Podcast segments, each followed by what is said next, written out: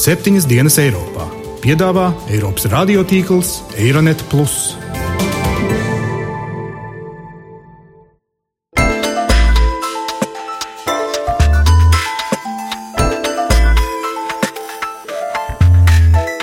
Šonadēļ septiņas dienas Eiropā dzirdēsim. Drošība ir pat tā kā reliģija tajā industrijā. Viens no ļoti retajiem gadījumiem Eiropā. Šāds notikums ir pavērsiena punkts.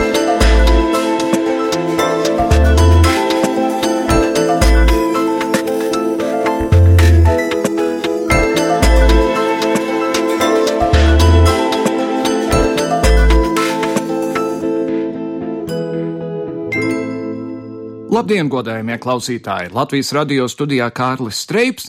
Esat sveicināti otrajās lieldienās, allaž pirmdienās nākam pie jums ar jaunu septiņas dienas Eiropā, te katru nedēļu pētām Eiropas un pasaules notikumus un skatāmies, kā tie ietekmē mūs tepat Latvijā. Martā bija manāmas konkrētas Eirozonas ekonomikas atvesļošanās tendences. Ražošanas apjomi visā reģionā ir pieauguši, un tas ir straujākais kāpums kopš pagājušā gada maija. Pieauguma tempi ir bijuši ievērojami Vācijā, Spānijā, Itālijā un Nīderlandē, un var teikt, ka Eiropas centrālās bankas ieviestās programmas spējušas veicināt pieprasījumu un noturēt zemu eiro cenu. Ražotāji guvuši labumu tieši no šāda vājākā eiro. Vājam eiro ir divējāds efekts, tas palielina mūsu ražotāju konkurētspēju eksporta tirgos, kā arī padara importa preces dārgākas vietējos tirgos. Labas ziņas ražotājiem bet kā ir ar citām industrijām? Tālāk šodien raidījumā spriedīsim par avio industriju, kā tā atkopjas no ekonomiskās krīzes un vai Eiropas valstis sadarbojas ar avio kompānijām, lai nodrošinātu pasažieriem lielāku drošību. Toties vispirms uzklausīsim dažus interesantus viedokļus.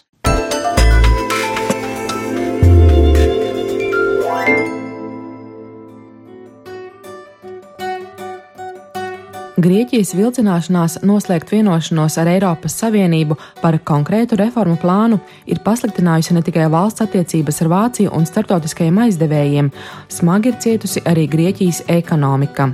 Grieķijas uzņēmēja konfederācija prognozē, ka nestabilās politiskās un ekonomiskās situācijas dēļ jau māja sākumā Grieķijā būs novērojams būtisks preču iztrūkums.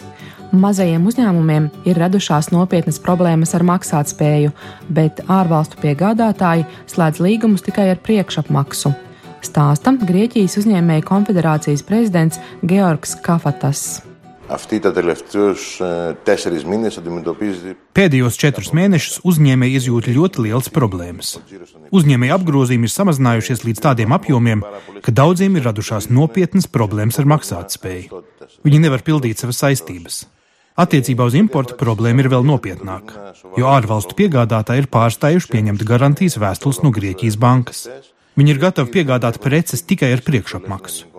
Ar laiku tas radīs problēmas ražošanā. Vairs vienkārši nebūs izējuma materiāli.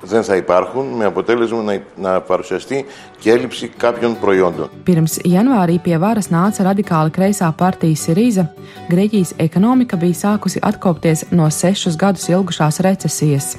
Lai gan Sirīzas solījums pielikt punktu taupības politikai izpelnījās plašu sabiedrības atbalstu, iecerē apstādināt vairākas finanšu reformas, privatizāciju un investīcijas, kā arī nepārtrauktā vienošanās atlikšana ar kreditoriem, ir atjaunojusi bažas par Grieķijas izstāšanos no eirozonas.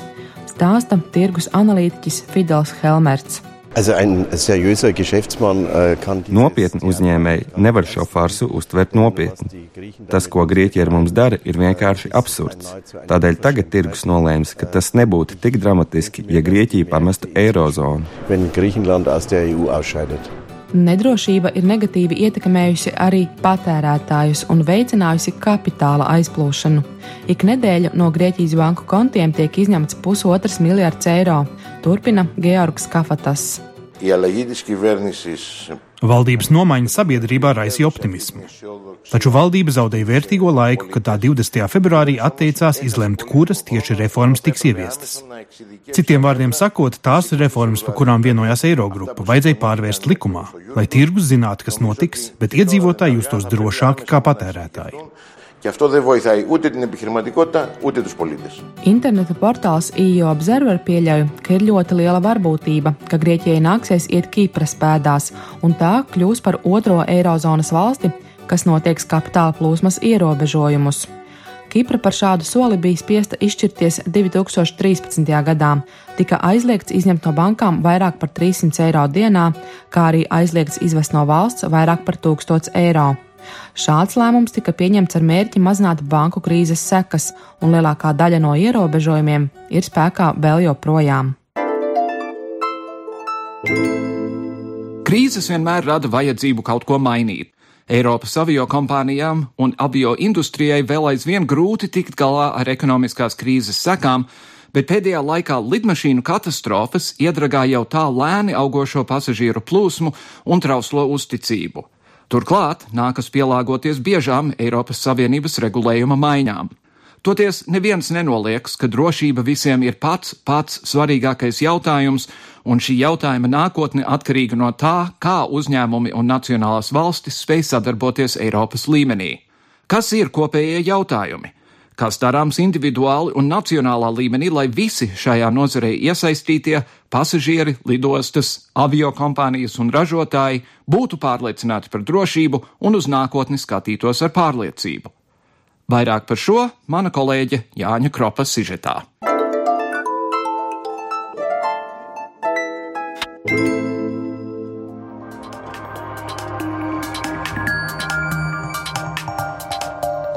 aviācijā nenotiek traģiski atgadījumi, tad parasti to pavada dažādi joki. Kad kāds baidās lidot, tad mēdz teikt, nu ko tur satraukties, lidmašīnas taču ir drošākas nekā automašīnas.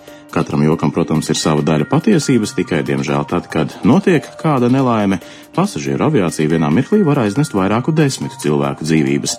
Francijas Alpos nogāztā Germanwings lidmašīna ir kas šokējoši kliedzošs, par ko satraukusies ir arī aviācijas nozara kopumā. Iemeslus, kāpēc nokrita Germanwings lidaprāts, lai šobrīd noskaidro izmeklētāji. Skaidrs, ka uz karstām pēdām šādu traģēdiju laikā pārsvarā var saņemt tikai un vienīgi emocijas. To, ka katastrofa Alpos ir ārkārtējs izņēmums, norādīja arī Germanwings mātes kompānijas Lufthansa izpildu direktors Karstens Špors. Šis ir vienīgais gadījums, kas radies vairāku gadu desmitu laikā. Mēs esam apmācījuši simtiem dažādu cilvēku mūsu pilotu skolās gan Ziemeļvācijā, gan Fīniksā, Arizonas štatā, ASV. Viņi lido ar dažādu tipu lidmašīnām un viss ir kārtībā. Protams, mēs pārskatīsim šos procesus, taču tas prasīs laiku un šim gadījumam nesakos tūlītēji rīcība. Jāsaprot, ka šis gadījums tomēr ir unikāls uz vairāku gadu desmitu fona, kur sistēma ir strādājusi ļoti labi. Drošība aviācijā Eiropā ir ļoti augstā līmenī. Latvijas civilās aviācijas aģentūras direktors Māris Gorocovs norāda, ka Eiropas sistēma par pamatu savām normatīvajām bāzēm izmanto visā pasaulē. Tāpēc domāt, ka Eiropā būtu bijusi kāda nolaidība aviācijas drošības uzraudzībā, būtu pavisam aplami. Eiropas eh, normatīvo aktu sistēma, lidojuma drošības sistēma tiek uzskatīta par modernāko un par prasīgāko pasaulē. Un e, ir ļoti daudzas arī citas pasaules valsts, veseli reģioni, kas cenšas savos normatīvos aktos e, balstīt e, tieši uz Eiropas Savienības regulējumu. Pie mums šī sistēma ar izmaiņu sistēmu ļoti efektīvi strādā un viņi tiek visu laiku arī uzturēti. Un viņu tā arhitektūra ir balstīta moduļu veidā, un viņus dalību valsts var ieviest tādā eh, loģiskā veidā, soli pa solim, pa vairākiem etapiem. To, ka aviācija jau sen nav tikai nacionāla līmeņa lieta, norādījis arī Vācijas Federālā transporta celtniecības un pilsētu attīstības lietu ministrijas pārstāvis Dirks Ničke. Ir ļoti grūti aviācijā strādāt un rīkoties tikai vadoties no nacionālā līmeņa. Ir jāskatās kopumā, lai lēmumi būtu piemērojami visai Eiropai. Eiropas līmeņa aviācijas drošību uzrauga dažādas institūcijas. Savu vārdu šajā lietā, protams, saka arī Eiropas komisija. Atcerēsimies kaut vai skandālu, kad lidojuma drošības prasību neievērošanas dēļ uz īsu brīdi ielidošana Eiropā bija liekta labi zināmām Krievijas aviokompānijām. Tieši to, ka jāaizstāv ir kopējās rīcības nozīme Eiropas mērogā, norādījis arī Eiropas komisijas pārstāvis aviācijas jomā Olivier Valdners. Viņa prāt pareizi ir, ka aviācijas uzraudzība Eiropā veids katra valsts pati par sevi, taču krīzes vadības pasākumi jau ir visas Eiropas lieta. Krīzes vadībai un rīcībai jebkurā gadījumā ir jābūt katras valsts atbildībai. Taču mūsu mērķis ir risināt jautājumus par krīzes situācijām arī Eiropas mērogā, lai rīcība būtu konsekventa. To, ka Germanwings gadījums ir radījis daudz emociju, atzīst Lufthansa vadība, taču šobrīd ir jātiek skaidrībā, ko tālāk darīt nozares profesionāļiem. To, ka izmaiņas sekos, apstiprina Lufthansa izpildirektors Karstens Špors. Mēs saprotam emocijas, kas saistītas ar šo traģēdiju, bet saprotiet arī mūs, mēs esam profesionāļi, un mūsu galvenais uzdevums ir panākt, ka drošības mēri, ko piemēro Lufthansa, nekādā veidā neciestu. Un es apsolu, ka mēs domāsim, kā vēl šos standartus uzlabot. Rīcību pēc katastrofas Alpos, ka pilotu kabīnē jābūt vismaz diviem cilvēkiem, ātri piemēroja daudzas kompānijas. Viena no pirmajām arī pašu Air Baltica. Žurnālisti nedaudz tā kā ir mēģinājuši atgādināt Lufthansai, ka Amerikas Savienotajās valstīs šāda sistēma jau ir pastāvējusi kā sen. Tomēr skaidrs, ka Germanwings gadījums bija kas ārkārtējs. Vairāk par divu cilvēku atrašanos kabīnē stāsta Karstens Špors no Lufthansa. Manuprāt, ASV tādas ir tikai dažas avio kompānijas. Pārsvarā lielākā daļa avio kompāniju, kuras lido visā pasaulē, izmanto tādas pašas drošības sistēmas, kādas izmanto Lufthansa. Ja lidojuma laikā nav saspringtu situāciju, pilots drīkst pamest kabīni, īpaši fizisku nepieciešamību gadījumā. Pēc tam pilots pēc iespējas ātrāk atgriežas kabīnē. Šādu procedūru mēs lietojam jau sen, un tā ir atzīta par pietiekami drošu, tāpēc tagad nopelt visu sistēmu nebūtu pareizi. Mēs veicam savu analīzi, un mēs, protams, to salīdzināsim arī ar citu ekspertu slēdzieniem. Pēc šī negadījuma izmaiņas drošības sistēmā rosinājusi arī Latvija, kas pilda Eiropas Savienības prezidējošās valsts lomu. Māris Goracovs no Civilās aviācijas aģentūras norāda, šobrīd aviācijā nenovērtē darba apstākļu radītos riskus. Uz aviāciju skatās kā uz tādu ļoti vieglu prestižu nozari, saistītu ar ceļošanas iespējām. Daļai, protams, tas tā ir, bet patiesībā tas ir mīts un tas darbs lidojuma apkalpas locekļiem ir ārkārtīgi smags. Protams, arī citu darbu veicējiem ir dažādas tur problēmas, un arī viņi nonāk stresā, bet viņi nevar ar savu rīcību nodarīt tik lielu kaitējumu, kā to nodarīt piloti. Taču Māris Gorotsovs kategoriski noraida iespēju, ka šajā katastrofā vainojums būtu bijis stress. Pilots nekļūdījās, bet apzināti triec lidmašīnu kalnos. Tātad šajā gadījumā ir jārunā par drošības sistēmas izmaiņām, lai šādi reti, bet tomēr iespējami gadījumi neatkārtotos. Pasažieriem tikmēr ir pierasta lieta paust savu satraukumu un baidīties lidot. Par laimi vismaz Rīgas lidostā šāds satraukums nav manīts, turpina lidostas Rīga komunikācijas vienības vadītājs Armīta Rīnmane. Mūsu novērojumi liecina par to, ka, teiksim, šajos te brīžos īpaši satraukumu no pasažieriem nav bijis. Un, attiecīgi, neesam saskārušies ar situācijām, ka pasažieri atteiktos lidot vai viņiem būtu kādas tiešām nopietna rakstura problēmas saistībā ar šīm te bailēm vai emocijām. No nelaimēm aviācijā mācās jāpiekrīt, ka gadsimta ilgajā aviācijas vēsturē šāds gadījums ir, ja ne pirmais, tad vismaz retais. Arī Latvijas atbildīgās iestādes ir nolēmušas rosināt Eiropas līmeņa diskusijas, kā pilnveidot drošības sistēmu.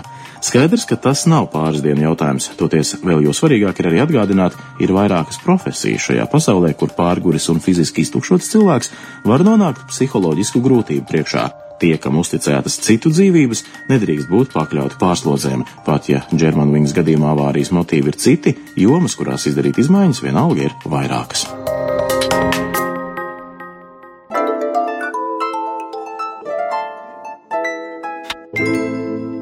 Lai noskaidrotu, kā par spīti aviokatastrofām un jaunām Eiropas Savienības drošības regulām aviācijas industrija ar vienu cenšas pārvarēt ekonomiskās krīzes sekas un kādus jaunumus ieviesusi nulle notikusī Germanwings traģēdija, uz sarunu esam aicinājuši Air Baltica korporatīvo komunikāciju viceprezidentu Jāni Vanagu. Labdien! Labdien! Un transporta jomas ekspertu Tālu Linkaiti. Labdien! Labdien jums abiem!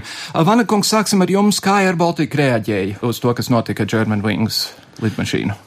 Air Baltica reaģēja nekavējoši, un Air Baltica bija arī viena no pirmajām avio kompānijām pasaulē, kas nāca klajā ar jauniem drošības pasākumiem. Mēs nebijām paši pirmie, bet mēs tūlīt pašā pirmajā vilnī pieņemam lēmumu, ka pilotu kabīnē jāatrodas ir vismaz diviem acu pāriem, tad diviem cilvēkiem visu lidojumu laiku. Tātad, ja vienam no pilotiem ir jāiziet, tad viņu aizstāja vecākais stjuards. Tad viņi tiek nodrošināta vēl viena cilvēka klātbūtne kabīnē. Un vai šajā konkrētajā gadījumā vai vecākais stjords būtu zinājis, ko darīt, reiz viņš pamanīja, ka tas pilots ir ieslēdzis lejup ejošu trajektoriju? Te, te mēs uzreiz esam jau citā jomā. Mēs kā aviācijas industrija, mēs patiesībā pieņēmām ieviest papildus pasākums, nesagaidot izmeklēšanas beigas.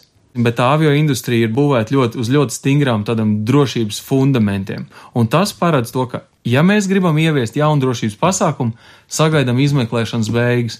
To mēs vēl neesam izdarījuši. Tad, kad mēs to sagaidīsim, tad varam runāt par to, kā reaģēt, kāds ir precīzi instruktāži, precīzi apmācība visām apkalpēm. Bet tagad šeit bija svarīgi, ka ir momentāni ieviest jauns drošības pasākums, Ja būs nepieciešama papildus drošības pasākumi, tos mēs ieviesīsim.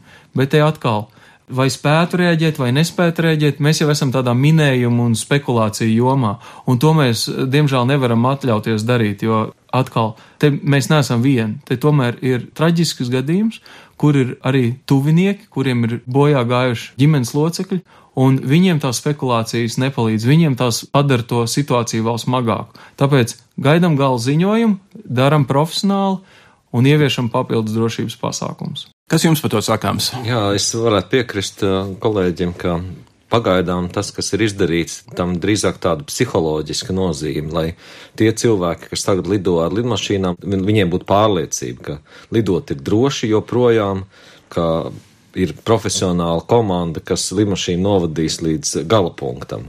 Un tiešām tad, kad beigsies izmeklēšana, tad droši vien kā ieviesīs atbilstoši izmeklēšanas rezultātiem, ieviesīs eh, kaut kādas izmaiņas drošības instrukcijās, pilotu darbības instrukcijās un tam līdzīgi. Iespējams, kaut kas tiks darīts ar tām durvīm, jā, arī kuras, eh, kurām ir tagad drošības kods priekšā, bet eh, jautājums ir, vai mēs eh, simtprocentīgi varam aizsargāties pret jebkādu gadījumu, jo tikpat labi, ja mēs varam pieņemt arī, ka, teiksim, eh, Stjuarts ir tas, kurš eh, izlēma izdarīt šādu negadījumu, tad viņš, esot pilotu kabīnē, viens pats pret pilotu, arī var izdarīt kādas nepārdomātas kustības. Tā kā es domāju, ka Pašlaik tas ir tāds pagaidu risinājums, un tad, kad uh, beigsies izmeklēšana, tad būs jau kaut kādi konkrēti apsvērti risinājumi. Bet ka, kas tur pagaidām ir nezināms? Jo no kastēm taču ir skaidrs, ka tur pilots izmisīgi mēģināja tikt iekšā kabīnē, tas otrs pilots nereaģēja, varēja dzirdēt, ka viņš elpo, vārdu sakot, viņš nebija beigts. Un viss liecina par to, ka viņš ir bijis depresīvs, viņš, viņš ir ārstēts un, un visticamāk viņš tā parājot cilvēkus līdz eh, uztaisīja pašnāvību. Man, man šķiet, ko mēs nezinām, ir tas, kas tieši kabīnē notika pēc tam, kad galvenais pilots pameta kabīni. Ja? Kas, kas šim te otrajam pilotam, vai, vai tur bija kaut kādas problēmas ar veselību, varbūt tikpat labi, vai arī viņš kaut ko ne tā nospieda vai ne tā izdarīja. Un es tiešām ieteiktu sagaidīt eh, rezultātus, cevišķi tāpēc, ka otrā melnā kasta arī nav atrasta Jā. Tā, un, un aviācijas industrijā ļoti, nu, teiksim, tā, tā, tas fokus uz drošību ir tiešām tik liels, ka jebkurš, kas ir profesionāls, viņi izvairīsies no minējumiem. Un tad, kad ir gala ziņojums, tad gala ziņojumā arī mēs redzam, kādas ir tās rekomendācijas, jo ļoti skaidrs, Kas ir zināms jau tagad, ir tas, ka visa industrija, visi un ik viens šajā industrijā mainīsies. Šāds notikums ir pavērsienu punkts, un drošība industrijā uzlabosies, jo tāpēc arī ir tas izmeklēšanas ziņojums, tāpēc arī ir rekomendācijas, un visi kā viens šajā industrijā tās rekomendācijas ieviesīs. Tāpat kā, piemēram, tad, kad bija Malaisijas lidmašīna, tad bija jauni noteikumi par to, kur lidmašīnas drīkst lidot. Nu, faktiski pēc katra Prot. negadījuma, kurš tiek izmeklēts, ja izmeklētāji atrod, ka ir kaut kādas uh, prasības, kas ir jāpilnveido, tad tas tiek darīts un tas tiek darīts zināms visai industrijai. Mm. Bet vienalga, man kaut kā liekas maz ticams, ka modernā, es, es protams, neesmu aviācijas eksperts, kur nu vēl pilots, bet modernā mūsu laiku lidmašīnā man ir grūti iedomāties, ka būtu iespējams nejauši piespiest kādu pogu vai kloķi, kas liktu lidmašīnai pēkšņi sākt krist. Tā ir lidmašīna komplekss mehānisms, un tiešām viņa simts gados tā aviācijas industrija ir izveidojusies tāda, ka patiešām ikdienu industrija pārvadā pat līdz 9 miljoniem pasažieru un dara to droši un katru gadu arvien drošāk. Un mēs jau vairākus desmitgadus ir tā situācija, ka jums no šeit, no radio studijas aizbraukt līdz lidostai ir krietni bīstamāk nekā aizlidot tālāk pie jūsu radiem Amerikā. Mm -hmm. ja?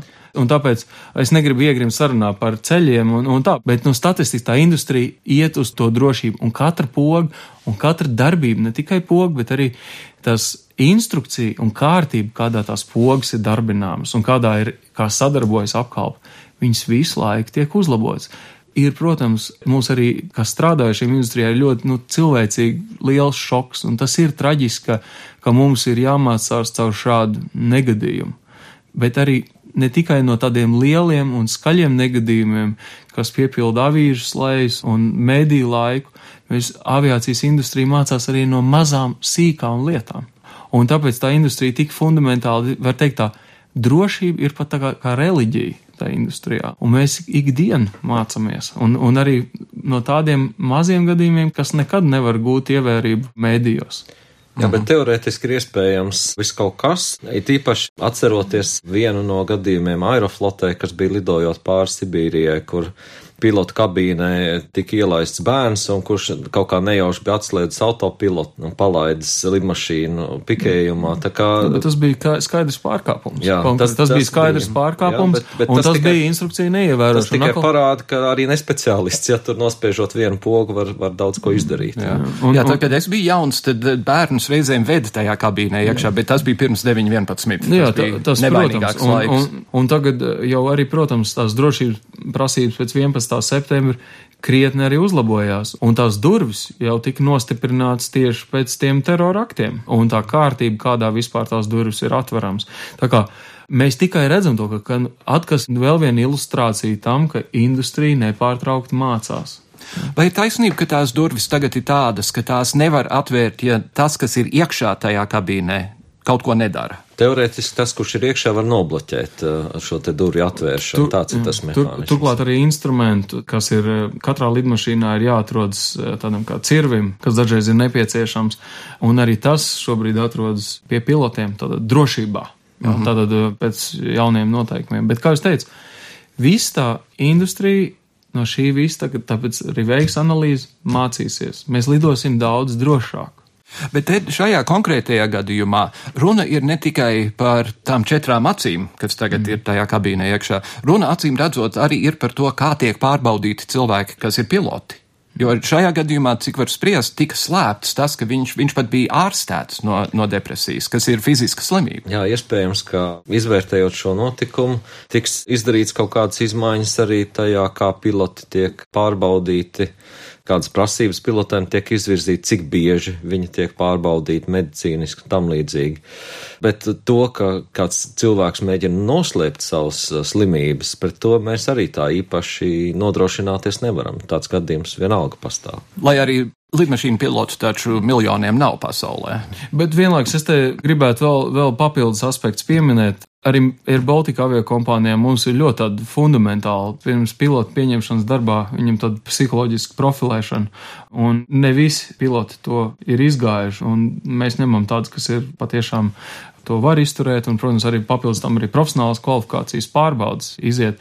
Bet skaidrs ir tas, ka arī tā aviācijas industrija vēl tā fundamentāli būvēta ka nemitīgi notiek tās pārbaudas. Ja pilots jau ir sasniedzis 40 gadu vecumu, viņš jau reizes sešos mēnešos stājas ārsta komisijas priekšā. Ja viņš nav vēl sasniedzis 40 gadus, tas ir reizes gadā, viņš stājas ārsta komisijas priekšā, viņš tiek izvērtēts. Katrs un ik viens apkalpes loceklis iziet fundamentālu apmācību un atkārtot apmācību. Turklāt tiek veikts izlases pārbaudas pirms lidojumiem, un tāpat ir arī tā saucamais pašziņošanas, ja self-reporting, princips, kad apkalps locekļi var pieprasīt, veikt pārbaudu par kādu apkalpas locekli, kas varbūt tajā dienā, kurš varbūt nejūtas labi, lai lidotu, un tam līdzīgi. Jo viss tā industrija simts gadi jau pastāv komerc lidojumi, un visi viņi tomēr mācīsies tajos simts gados, lai tā drošība tik garantēta. Te ir skaidra līnija, gaidām gala ziņojumu, gaidām turpmākās rekomendācijas. Un, ja vajadzēs, ieviesīsim papildus drošības pasākumus. Mm -hmm. Kas nāks ar rekomendācijām? Startautiskā aviācijas organizācija vai? Tur ir eh, atkarībā no situācijas, atkarībā no tās juridiskās piekritības, ir trīs līmeņi tās rekomendācijas. Viens ir startautiskās rekomendācijas no ICAO puses, kas ir visām aviokompānijām visā pasaulē. Mums Eiropā Vēl ir EASA, nāk ar rekomendācijām, kā šajā gadījumā par diviem apkalpes locekļiem lidmašīnā. Tās nāca no EASA, jeb Eiropas aviācijas drošības aģentūras. Un tad trešais līmenis mūsu gadījumā ir nacionālās rekomendācijas, nacionālais līmenis. Un mēs kā aviokompānija, kur darbojas Latvijā un kurai ir atļauja veikt lidojumus Latvijā, mēs ievaram visus mm -hmm. šos līmeņus. Linkēt kungs, skatoties ziņas par šo gadījumu, izskanēja apmēram šāda doma. Šī nebija pirmā reize, kad pilots kaut ko tādu ir darījis. Ir bijis Āfrikā un, un arī Āzijā ir bijuši gadījumi, kur piloti ir kaut ko to, tam līdzīgu darījuši. Tā skaitā nogāzuši lidmašīnu, bet vienā gadījumā arī vienkārši būtībā to lidmašīnu nolaupot un pārceļot viņu citur, lai pieprasītu patvērumu. Kāpēc tieši šoreiz visa pasaule ir sausījusies, visa industrija ir, ir lēmusi kaut ko darīt citādāk? Vienkārši tāpēc, ka tas bija tik dramatiski būtiski šoreiz? Es domāju, ka pēc katra no šiem gadījumiem notiek tāda viļņošanās, un tāpēc, ka šis gadījums ir viens no ļoti retajiem gadījumiem Eiropā. Jā, mēs, man liekas, pēdējais tāds ļoti nopietnais bija Concorde avārija 2000. gadā vēl bija Spanairam avārija 2008. gadā. Faktiski mēs sen neesam neko dzirdējuši par tādiem nopietniem, traģiskiem notikumiem aviācijām. Varbūt šajā te ļoti dinamiskajā mēdī laikmetā, arī varbūt ziņu trūkuma laikmetā, šāds te notikums ir izraisījis tādu papildu viļņošanos un tādu milzīgu interesi. Bet eh, tas, kas man arī ļoti tā neiepriecina, ir šī te sīku faktu mēģināšana izvilkt no konteksta, arī šī iedziļināšanās kaut kādās, teiksim, pilota pagātnes detaļās, jo tiešām ar to visu nodarbosies profesionāli cilvēki, izmeklētāji, un iespējams, ka mēs pašlaik tiešām nodaram pāri daudziem cilvēkiem, mēģinot paši izdarīt kaut kādus secinājumus, jo mums jau nav šī bilde visi pieejama kas tur īsti ir noticis. Nu, jā. Pirms iet prom no šī ļoti smagā temata un, un ātri parunāt par to, kā vispār iet uh, ar Baltikam, droši vien ir vērts atkārtot to, ka salīdzinot ar jebkuru citu transportu veidu, tā skaitā kājām iešanu.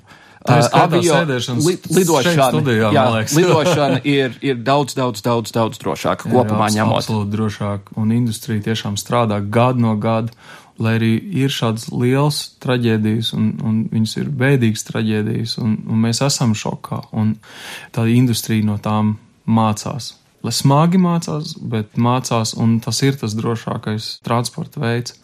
Parunāsim tagad kopumā. Eh, jūs, Vanagungs, ir paņēmis līdz avīzi, uz kuras ir redzamas dažādas avio kompānijas, kuras sāk pakāpeniski atgriezties eh, mūsu valstī, vai jau kādu laiciņu te ir bijušas, kas acīm redzot nozīmē, ka Air Balticam veidojas lielāka konkurence. Jā, absolūti, un tas ir arī kaut kādā veidā tāpēc, ka mēs eh, veiksmīgi strādājam, jo mēs esam parādījuši, ka Rīgā var labi strādāt, var strādāt ar peļņu, kā mēs to esam pēdējos divos gados darījuši. Un, lai arī kopumā tā avio industrija šobrīd izskatās ļoti, ļoti laba un pievilcīga, un, un mēs ziņojam par peļņu, un degviela ir lētāka, un biļets paliek lētāks, nu, tomēr tās perspektīvas šobrīd jau neizskatās tik rožainas atkal, un, un avio kompānijas arī meklē veidus, kur tās lidmašīnas visefektīvāk izmantot. Kāpēc nav tik rožains? Tāpēc, ka ir mums blakus viens liels tirgus kaut vai, kur šī gada jau pirmajos mēnešos jau ziņoja, ka austrumos mūsu kaimiņos ir um, pasažieru skaits būtiski samazinājies, vairāk par 10%. Ieņēmumi arī samazinās, un mēs to arī jūtam. Un arī citas aviokompānijas to jūt, un viņas meklē alternatīvas. Un Rīga patiešām ar pasažieru kāpumu un ar investīcijām infrastruktūrā izskatās ļoti labi. Un, Jūs piekrītat? Jā, nu, salīdzinot droši vien ar pagājušo gadu vai ar vēl kādu gadu atpakaļ, protams, tā situācija uzlabojas Rīgas lidostā, bet uh, atcerēsimies, ka mēs vēl joprojām neesam sasnieguši 5 miljonu pasažieru skaitu, kāds bija 2011. ja nemaldos. Tā kā ir iespējas vēl, vēl izaugsmai tirgu, un tas, ka nāk iekšā jauni spēlētāji. Tā, protams, ir konkurence ar Baltikam, bet tas ir pozitīvi visiem pasažieriem, kas, kas lido, un, un tie ir daudz izdevīgāki lidojuma laiki atsevišķos virzienos, piemēram, Stokholmas virzienā. Es nezinu, kā tur visas tās kompānijas uh, sabīdīsies. jā, un, un, un tā cīņa, diemžēl, notiek par jau esošajiem pasažieriem, jā, jo, jo maršruti, kurus atklāja gan Ukrainie, gan Swiss, gan, gan SAS, tie ir jau esošie galamērķi, uz kur lidoja ar Baltics. Un līdz ar to tā ir faktiski pasažieru pārdalīšana, nevis kaut kādu jaunu maršrutu radīšana. Mm -hmm. Bet jūs arī atceraties to, ka jūs noteikti ļoti, Linkāšu kungs, rūpīgi vērojat to tirgu, un mēs redzam, ka katru reizi, katra jauna produktu paplašināšana arī rada jaunu tirgu. Un mēs arī redzam to, ka tas tiešām mūsu klientam, patērētājiem, nu, viņam ir krietni labāks produkts. Tāpat Stokholma, kur mēs redzam, ka ir septiņi reizes dienā, arī mēs pielikām vēl reizes klāt ir krietni labāks produkts. Krietni labāks patērētājiem. Un šeit arī ir tā situācija, ka mums ir jāstrādā labāk, lai tas patērētājs izvēlētos mūs. Mums ir mums tā konkurenta elpo pakausī, un mēs arī darām visu, lai, lai būtu labāk. Protams, mēs arī strādājam daudz labāk kaimiņu tirgos. Tā kā mēs samazinājām lidošanas apjomu uz austrumiem, mums palika lidmašīnas. Viņas ir efektīvi jāizmanto. Mēs tagad arī vasarā lidojam. Mēs atvērām deviņas jaunas maršrutus. Air Baltica šogad pirmo gadu lidos Vācijas iekšējā tirgo. Air Baltica šogad pirmo reizi lidos tā pamatīgi no kaimiņu galvaspilsētām un piedāvās tiešos maršrutus no Tallinas un no Viļņas. Mēs vakar saņēmām ļoti, ļoti smagu kritiku arī no vietējās aviokompānijas Tallinā, kur arī redz, ka viņiem parādās jauns, tā kā mēs Rīgas lidostā redzam papildus konkurenci un mēs ticam, tas ir labāk patērētājiem, arī Tallinā tas parādās, tikai viņa izteikumi liecina par to, ka it kā viņiem pasažieris piederētu. Pasažieris ir tas, kurš izvēlas. Avio kompānija nav tā, kas izvēlas pasažierus. Nu, jā. pasažieris izvēlas, un pasažieris ir numur viens, kuram tad jādod iespēja izvēlēties. Vai nu zemāk cena, vai labāks lidojuma laiks, vai labāks produkts. Un arī tāpēc mēs strādājam, ko vien spējam, mēs meklējam jaunas iespējas, lai dienas beigās, lai gada beigās mēs varētu parādīt to peļņu. Mm -hmm. Viņi nenāk viegli. Tiesa gan, jo vairāk ir to lidmašīnu un lidojumu katru dienu, jo, manuprāt, katastrofiskāka kļūst situācija Rīgas lidostā ar bagāžas piegādi. Vai Rīgas lidosta ir adekvāta pat labam tam, kas notiek avio industrijā? Rīgas lidosta ilgu laiku atpalika gan no pasažieru skaita pieauguma, gan vispār ar saviem attīstības plāniem. Man liekas, pagaidām tagad viņa mēģina atgūt iekavēto, tātad tiek būvēts jauns papildus terminālis, kur apkalpot uh, nešengenas uh, zonas um, lidmašīnas, un es domāju, ka tur varētu būt arī papildus šie bagāžas apstrādes iespējas, jo tā ir tiešām viena no vājajām, šaurajām vietām, kas ir Rīgas lidostā, šī bagāžas apstrāde. Nu, nebeigsim, nebeigsim ar skumju lietu, beigsim tādu priecīgāku domu. Es ļoti ceru, ka kaut kādā es varēšu no Rīgas uz Čikāgu lidot patiešo. Nu, es arī to ļoti ceru, un mēs darām visu iespējamo, lai arvien vairāk būtu tie lidojumi. Nu, un deviņi jauni maršruti šogad vasarā, nu, nav galīgi par ko sūdzēties. Tas ir tiešām ne tikai rekordu peļņu, bet arī rekordu skaits jauniem maršrutiem. Es domāju, ka mums ir pamats lepoties. Air Baltica pārstāvis Jānis Vanaks un eksperts Tālis Linkaits. Paldies jums abiem par sarunu. Paldies, Paldies. Režisora Davida Linča un scenārista Marka Frosta radītais kulta kopdarbs Twin Peaks jau sen kļuvis par televīzijas klasiku. Mēs septiņas dienas Eiropā piekrītam aģentam Cooperam, ka tā bija sasodīti laba kafija. Pirms ceturdaļa gadsimta it kā mirusī Laura Palmere pēdējā Twinpeaks seriāla epizodē solīja, atbildes būšot pēc 25 gadiem. Nu jau zināms, ka šim episkajam Davida Linča televīzijas garadarbam tiešām būs turpinājums. Notikumu komentēt aicinājām Mēdī 5.CLV vadītāju Kārli Dagili. Principā ir tā, ka Twin Peaks seriālu es esmu skatījies vairākas reizes. Pēdējā reize bija pirms nepilna pusgada atvaļinājuma laikā Itālijā. Jo, nu, ko atvaļinājuma laikā tu darīsi, īsti nav darbs, un pieredums pie datora pietiekami liels. Bija patīkami atslēgties no darba gan citā vidē, gan arī iegrimta citā pasaulē. Un Twin Peaks seriāls ir uh, absolūti perfekts, lai iegrimtu citā pasaulē, mežos un uh, dīvainos notikumos. Un ziņas par to, ka šis seriāls atgriežas pie skatītājiem, mani ārkārtīgi pārsteidza, jo es uzskatu, ka tam seriālam piemīt tāda 90. garša. Viņam piemīt absolūti 90. garša. Un man nav ne mazākās nojausmas, kā Dēvids Linčs atrasinās to, ka šobrīd ir 2014. gads, ka aktieri visi ir uh, kļuvuši krietni, krietni vecāki, nu vairs neizskatīsies, neizskatīsies uh, tā kā ordinālajā seriālā. Bet, nu, Dēvids Linčs vienmēr ir izcēlējies ar uh, interesantiem un radošiem risinājumiem. Un es patiesībā pirmo sēriju no šīs trešās sezonas ārkārtīgi gaidu. Bet es negribētu arī likt pārāk lielas cerības uz to, ka tā būs liela veiksme, jo atcerēsimies arī pats Twin Peaks seriāls tajā brīdī, kad tas tika ordināli rādīts. Nu, nepiedzīvoja patiesībā tik lielu veiksmi. Pirmā sezona bija fantastiska, reitingi bija lieli, un otrajā sezonā līdz ko atrasinājās slepkavība, tā skatītāji aizgāja no šī seriāla un patiesībā to pārtrauca, tāpēc, ka bija pārāk zema reitinga. Tagad mēs to skatāmies kā tādu veselu komplektu un, un priecājamies par to, cik, cik patiesībā tas bija labs. Tāpēc es neloloju lielas ilūzijas, ka pirmās trīs sērijas, jā, būs interesanti paskatīties, bet kas notiks tālāk? Man ir liels aizdoms, ka uh, atkal varētu būt tāpat kā pirms 20 gadiem, kad uh, vienkārši noplūka intereses. Deviņas sērijas tas ir daudz, un iespējams, ka Linčam tad ir jādomā par veidiem, kā šo intrigu seriālā uzturēt līdz pašām, pašām beigām.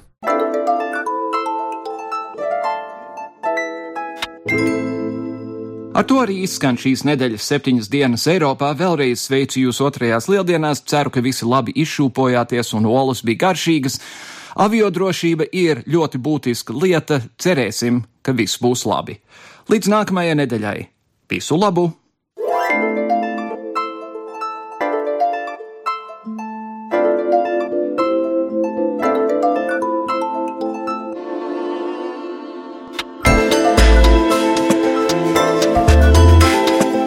Raidījumu veido Kārlis Streips, Gita Siliņa un Jānis Krops. Producents Lukas Rozītis.